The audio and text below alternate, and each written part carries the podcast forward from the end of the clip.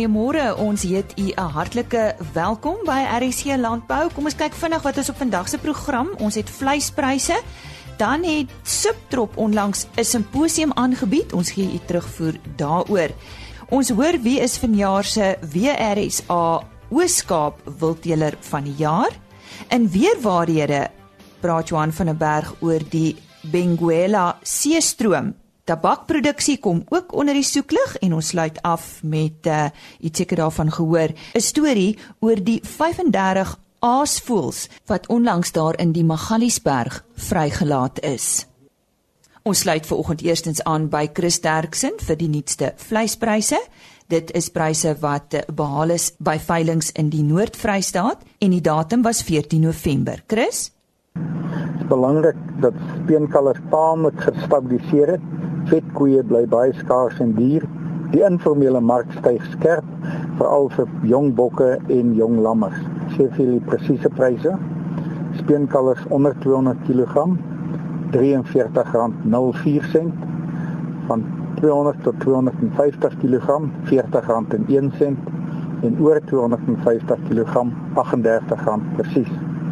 A-klasse R27.46 B-klasse R23.31, C-klasse vetkoeie R22.44 en maarkoeie het gewissel van R18.54 na R19.67. Slagbulle R24.93. En vanaf die skaapmark stoorlam R46.33, vetlam R36.07, maaroeie R27.98 en vetoeie R27.44. En vanaf die boerbokmark lammers R52.53 per kilogram en mooi oeye R38.38 per kilogram. Indien ons van enige verdere hulp kan wees, skakel maar enige tyd na 08280 75961. Baie dankie. Dit was dan Chris Derksen met vleispryse. Net 'n korreksie, die bokoeie is verkoop vir R28.38 en nie R38.38 nie. Dit is dus R28.38. Maar indien jy graag weer na hierdie pryse wil kyk, besoek gerus www.vleisprys.co.za. Subtrop het verlede week 'n simposium aangebied en vir meer hieroor die hoofuitvoerende beampte van Subtrop, Derek Duncan. Hy verduidelik eers wat die doel van die simposium was. Die doel van die simposium is om mense in die bedryf bymekaar te kry en dis boere, uitvoerders, pakkers en mense wat die, bedryf bedien soos die byvoorbeeld die chemikalieëmaatskappye, die uh, vervoermaatskappye ensovoorts.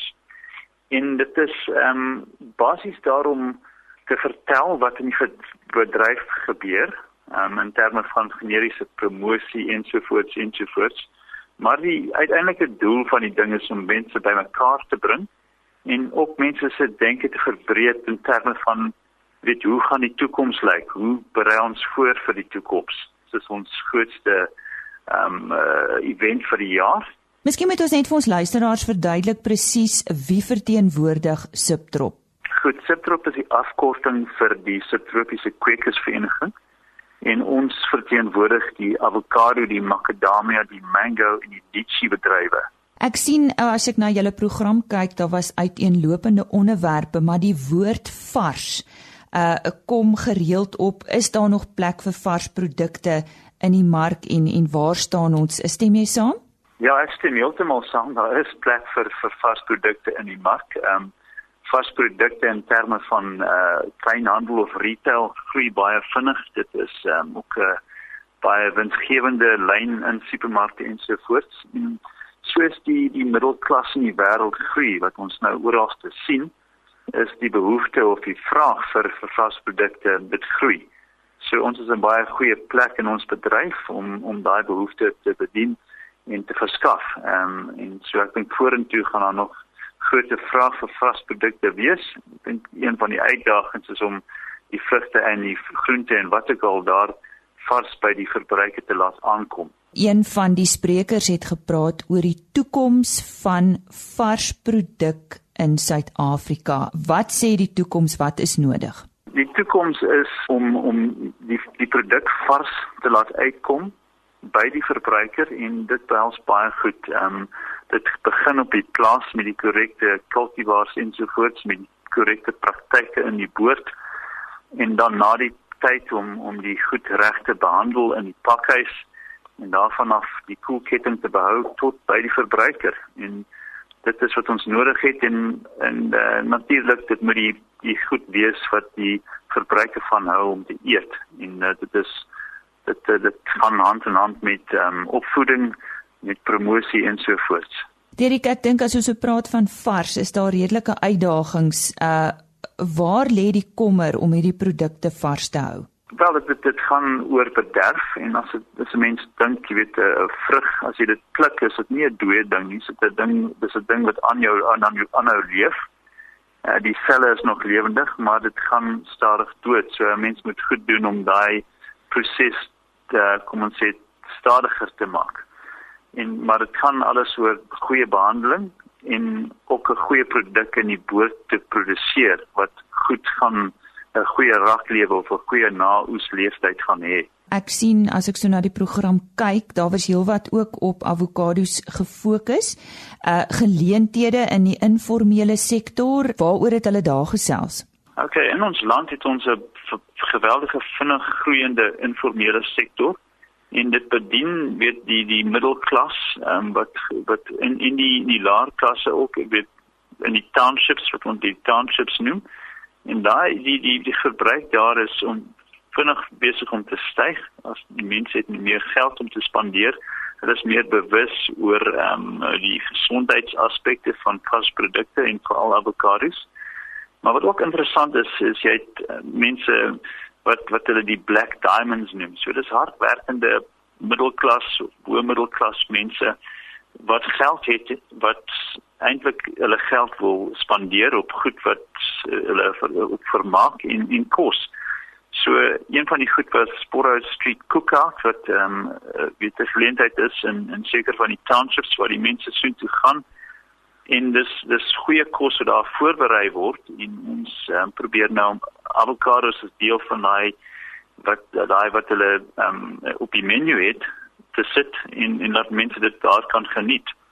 So ons dink baie keer as wit mense dink ons as vir township is net arme mense, maar daar's geweldig baie geld bees daar in die townships en 'n sekere tipe leefstyl wat hulle daar het, um, wat uh, baie produkte gebruik. Waarom was dit nodig om te praat oor studies om die subtropiese industrie vorentoe te neem? Vind julle daar's te min uh, studente wat graag op hierdie tipe rigtings wil uh, fokus of studeer? Ja, dit is so. Ehm um, daar is nie 'n baie groot belangstelling op die stadium stadium in die landbou nie. Maar die landbousektor soos ons weet is een van die bes uh weet uh, sy performance in die bedryf of die ekonomie was baie goed gewees die afgelope paar maande. En dit ons weet um, gehelp met die tegniese resessie wat die land in is. Ehm um, maar daar is 'n behoefte omdat daar so veel uitbreiding is in, in ons bedrywe. Is daar behoefte vir mense met grade van universiteite in in landbou in in hortologie of tuinbou spesifiek maar ook mense vanaf colleges wat weet soos ehm um, bestuurders of ehm um, mense op plase kan werk spesifiek in die produksie. En daar sit 'n kort op die, st die stadium so sekere universiteite kyk daarna en daar word, word ook gekyk en ons ontwikkel na jy weet wat ons e-learning nu uh, noem um, waar mense op uh, jy weet op die op die internet kan skool toe gaan as jy dit wil so stel. Um, met 'n met 'n selfoon of 'n tablet kan 'n mens dan leer en daar's 'n uh, weet 'n uh, institusie met die naam Agricologist Africa wat nou besig is of Speech Agricologist International wat besig is om daai stelsel in plek te sit dat mense deur middel van e-learning kwalifikasies in landbou en spesifiek in vrugteproduksie kan kry om ons bedryf in die toekoms te dien. Dit was dan die hoofuitvoerende beampte van Subtrop, Derek Duncan. Ons het vroeër in die week ook gehoor van uh, verskeie boere wat die Wildbedryf Suid-Afrika Oos-Kaap Kongres en Gala de Neep bygewoon het.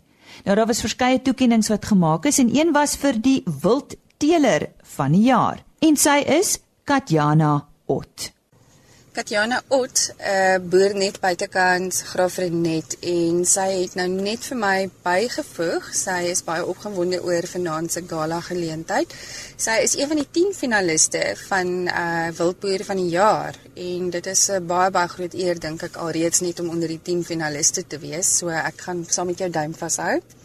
En nou gaan jy vir ons 'n klein bietjie meer vertel oor waarmee jy boer en is dit jou passie om met wild te boer? Dankie Karen. Ja nee, ons boer um, ek boer op Glen Harry Wildreservaat wat net buitekant Graafrenet is. En ons boer met swartwit pense en buffels, dis die twee spesies. En ons het ook al die ander spesies ons doen baie jag op die plaas. So die twee werk hand in hand saam. En ja, dit is my lewe. Ek is verskriklik lief vir wat ek doen. Dit is 'n groot uitdaging veral dat ek 'n vrou is. Daar is maar dit kom met sy challenges maar mens moet dit maar dag met dag vat en net wys vir mense wat jy kan doen. As 'n wildboer op die oomblik een van ons grootste challenges is die droogte. Dit het ons baie gevat die laaste paar jaar. En um, ek dink 'n 'n mens besef nie hoe dit 'n plaas en 'n besigheid kan affekteer en is dit is regtig 'n mens moet twee keer dink voor jy iets doen um, om die, die plaas en die diere en alles vorentoe te trek. Ehm um, ja, dit is baie dit is baie stresvol twee troppe op die oomblik. Ons het ons swartwit penstrop. Ehm um, ons het 'n sable bull gekoop 2 jaar terug. Sy naam is Andrew. En toe ons hom gekoop het, was hy die grootste sable bull in die Oos-Kaap. Hy meet net onder 49 duim. En ehm um, so ons swartwit pens is iets waaroor ek baie uitsien om te sien waar daai trop en die genetika gaan gaan vorentoe. En dan die ander projek wat baie naby aan my hart is, is ons buffelprojek. Ons is besig om 'n nuwe trop bymekaar te sit en wat ons probeer doen is die top genetika van al die groot buffelbulle in die land in een trop te sit. So dis iets wat 'n paar jaar gaan vat, maar ons handpick elke dier wat ons in ons trop inbring en ek sien baie uit vir die toekoms wat ons uit hierdie trop gaan teel. As iemand belangstel om my te kontak oor Glen Harry en meer inligting te kry, hulle is welkom om my op ons kantoornommer te bel wat 0498400252 is of hulle kan my e-pos op cat@glenharrygamereserve.com. En ons het ook 'n webwerf, uh, glenharrygamereaders.com. Ons sê dankie aan Karen Venter wat vir ons die bydraes gestuur het van 'n Wildbedryf Suid-Afrika Oos-Kaap se Kongres en Gala de Nee wat op 28 Oktober gehou is. Weer waarhede saam met Johan van der Berg.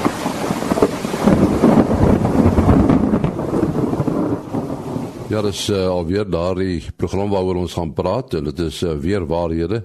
Johan van der Berg van Santam Landbou. En uh, vanoggend kyk ons 'n bietjie na die Benguela seestroom. Miskien moet jy eers net vir ons presies sê uh, watter kant van Suid-Afrika is die Benguela seestroom? Ja, dis hier teen ons Weskus gedeeltes.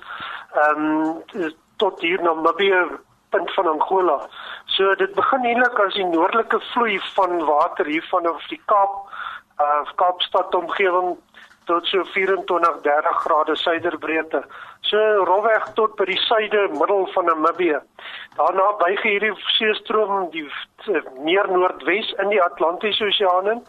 Maar twee takke van hierdie seestroom gaan nog 'n bietjie verder noord en dit sluit later dan aan by die Angolese Angolese stroom uh wat dan weer noordwes dan gaan en uiteindelik ook dan buig na die Atlantiese Oseaan toe.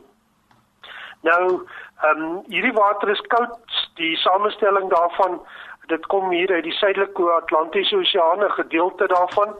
Ehm um, daar's ook 'n gedeelte wat om die Kaap kom van die Indiese Oseaan. Uh so hierdie Indiese Oseaan se temperature is warmer.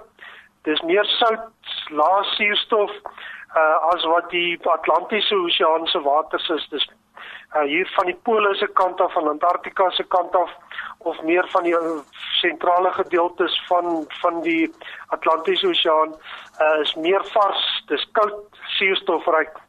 Nou Hierdie Benguela seestroom is omtrent so 200 km wyd en soos ons sê hy begin omtrent rondom Kaapstad omgewing uh en dan loop hy uh tot so die suide van van van Angola. So hy wissel 'n bietjie sy waarheid presies altyd is, uh maar dit is omtrent die omgewing. Nou interessant, daar's ook 'n Nino in die Benguela of die Benguela. Die Benguela Nino, so dit is die warm water uh wat of abnormaal warm water wat vorm. So dit beweeg suidwaarts vanaf Angola uh na die noordelike gedeeltes van die Benguela seestroom dan. Sommige jare beweeg dit dan verder suid uh om dan vir ons die Nino te vorm. So dit kan tot hier verby Walvisbaai verder suid gaan. Nou daar was 'n hele paar redelike sterk Ninos geweest. Uh wat gebeur omtrent so een keer in 10 jaar. Uh ons weet hier van 1934, 1963, uh hier 1984, 95, 2011 en dan was daar ook in 2021 6 geweest. Ehm um, nou gedurende hierdie tydperk kan die see temperature tot so selfs 8 grade Celsius warmer word. Nou dit het 'n redelike ekologiese ramp wat dit veroorsaak. Want ons weet hierdie Benguela seestroom is oor die algemeen dis koud, baie suurstofryk, uh maar as hierdie Nino gedeelte dan begin vorm, uh warmer, minder suurstof, dan vrek die vis op groot skaal uh en is dit nogal 'n redelike groot probleem.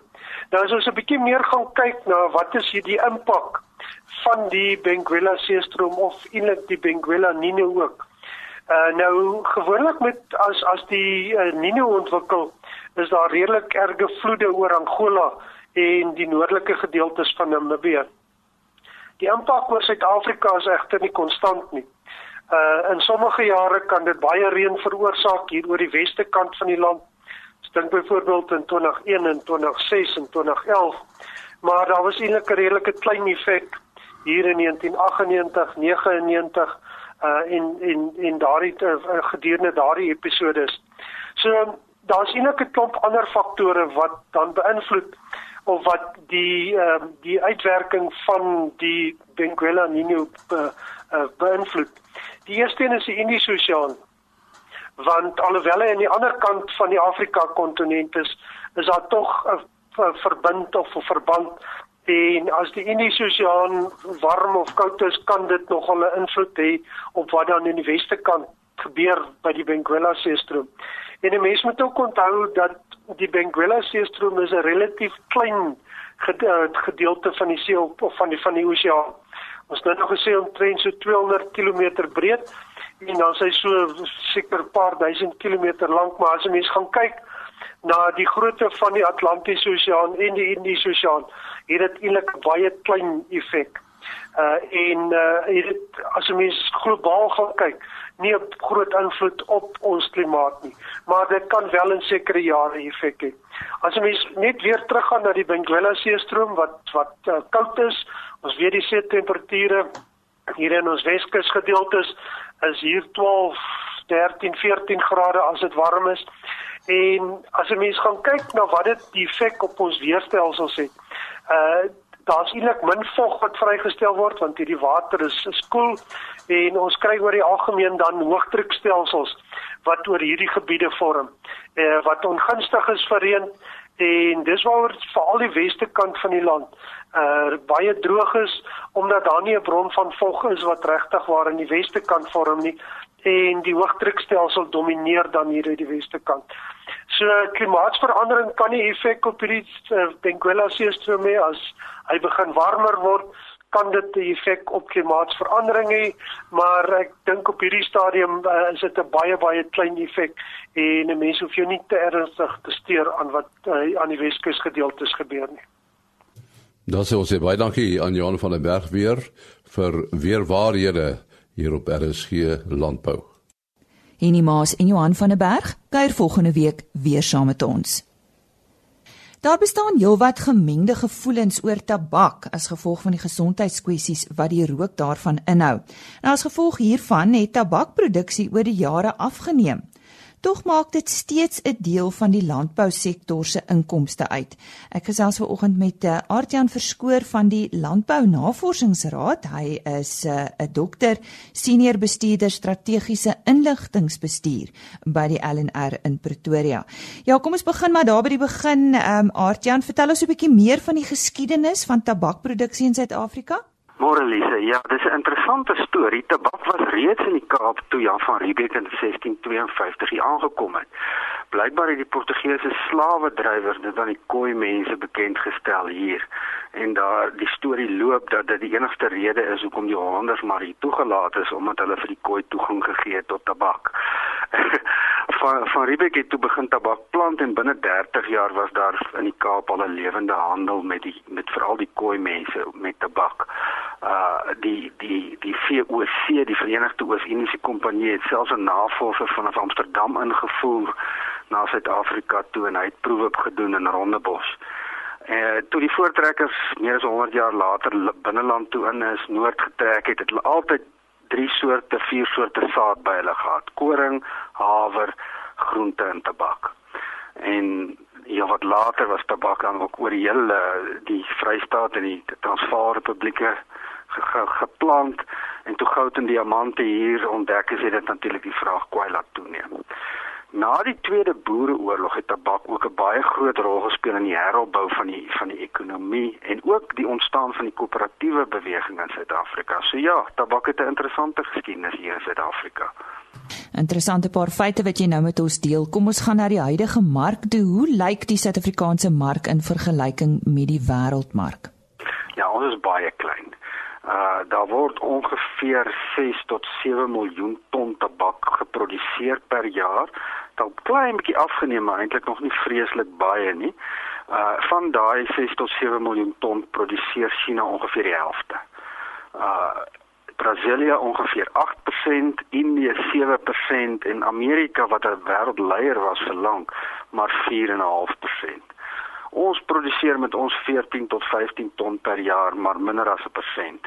Dit was heel wat meer, dit was dubbel dit in die 1980s, maar nog steeds is dit 'n belangrike bron van aksiesbelasting van miljarde rande vir die regering. Oor die laaste 13, 14 jaar het belasting met meer as 700% gestyg, soos wat tabak natuurlik 'n slegte reputasie gekry het. Maar die tesorie glimlag al die pad verbruikers in Suid-Afrika spandeer ongeveer 12 miljard rand elke jaar aan aan tabakproduksie. Van ons 14 tot 15000 ton word ongeveer 60% uitgevoer, maar dan voer ons nou weer 'n paar duisend ton terug in vir sigarette en so aan. So ja, ons mark is relatief klein. So, hoeveel word dan in Suid-Afrika jaarliks geproduseer? Ongeveer 14000 tot 15000 ton op die oomblik uh ja wat wat wat natuurlik klein is in vergelyking met die wêreldmark maar maar dis genoeg en ons ons voer uit ook daarvan.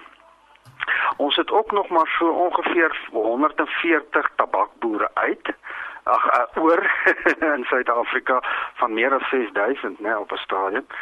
Uh ons praat van so 4 5000 hektaar. Uh dit het reeds die die die die direkte waarde bruto waarde daarvan is ook amper 600 miljoen rand wat wat natuurlik baie is.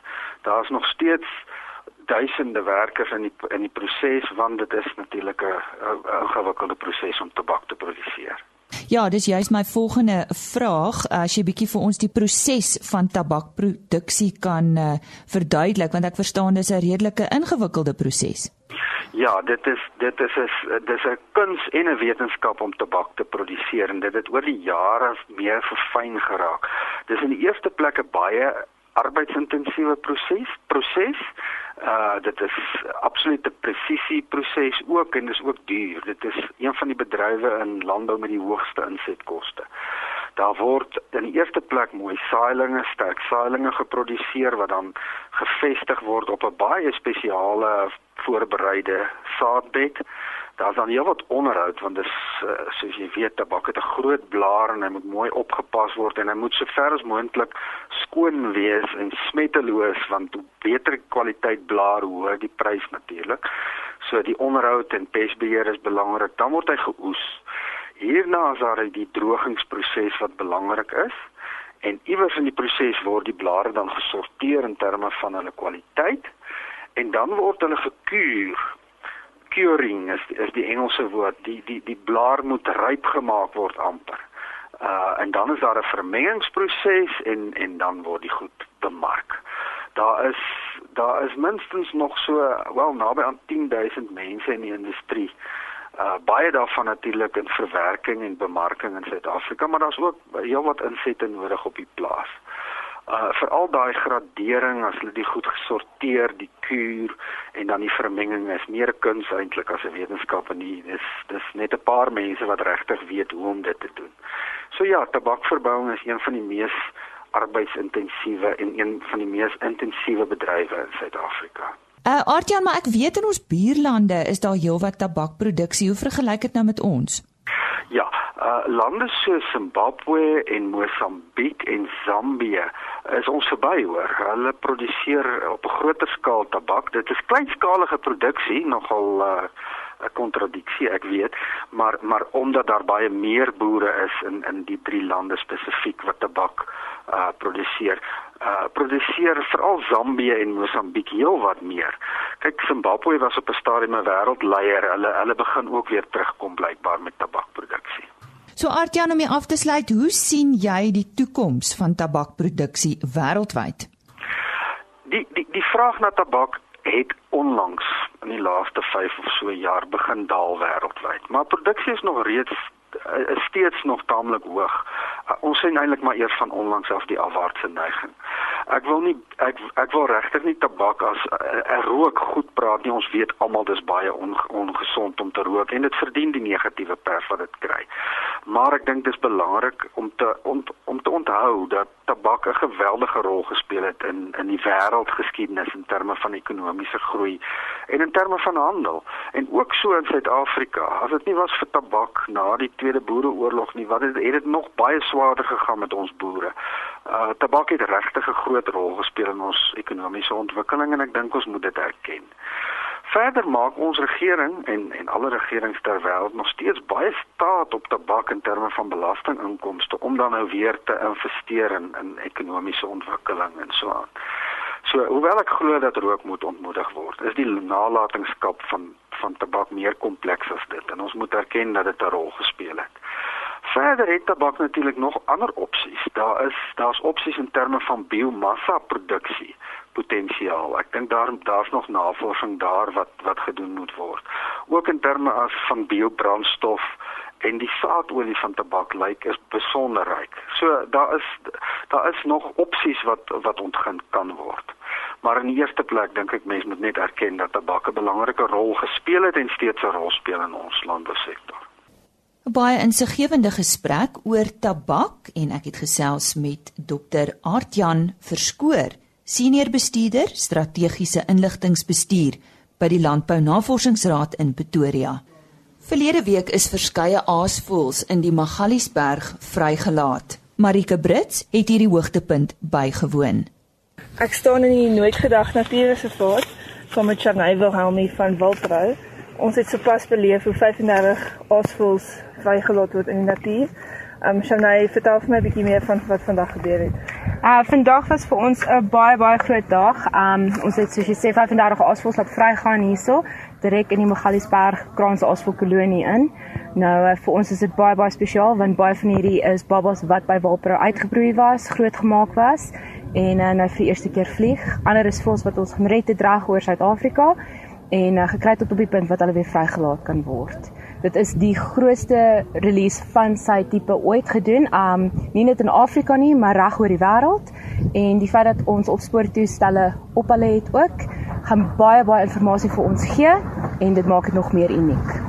Hoekom is werk soos dit so belangrik vir aasvoëls? Uh, ongelukkig sit ons um, met baie mense wat nie verstaan hoe belangrik aasvoëls is nie. Hulle is nie oulik nie, hulle is nie fluffy nie. Um, baie mense skou hulle aan as baie lelike diere, maar hulle is krities in ons ekosisteme. So op hierdie stadium sit ons met kraansaasvoëls en witrug aasvoëls en swart aasvoëls wat of bedreig of krities bedreig is en tensy ons nou ins, instap en fisies iets doen, gaan uh, ons die populasies verloor. En dit was dan Shanay Wilhelmi van Wilbrou wat met Marike Brits oor die vrylating van 35 aasvoëls in Magaliesburg gesels het. Ons groet tot maandagooggend om 05:30. Dankie dat u hierdie week saam met ons gekuier het vir RSG Landbou. Mag dit met elkeen van u net goed gaan en ons hoop en bid steeds vir reën. Totsiens. RSG Landbou is 'n produksie van Plaas Media.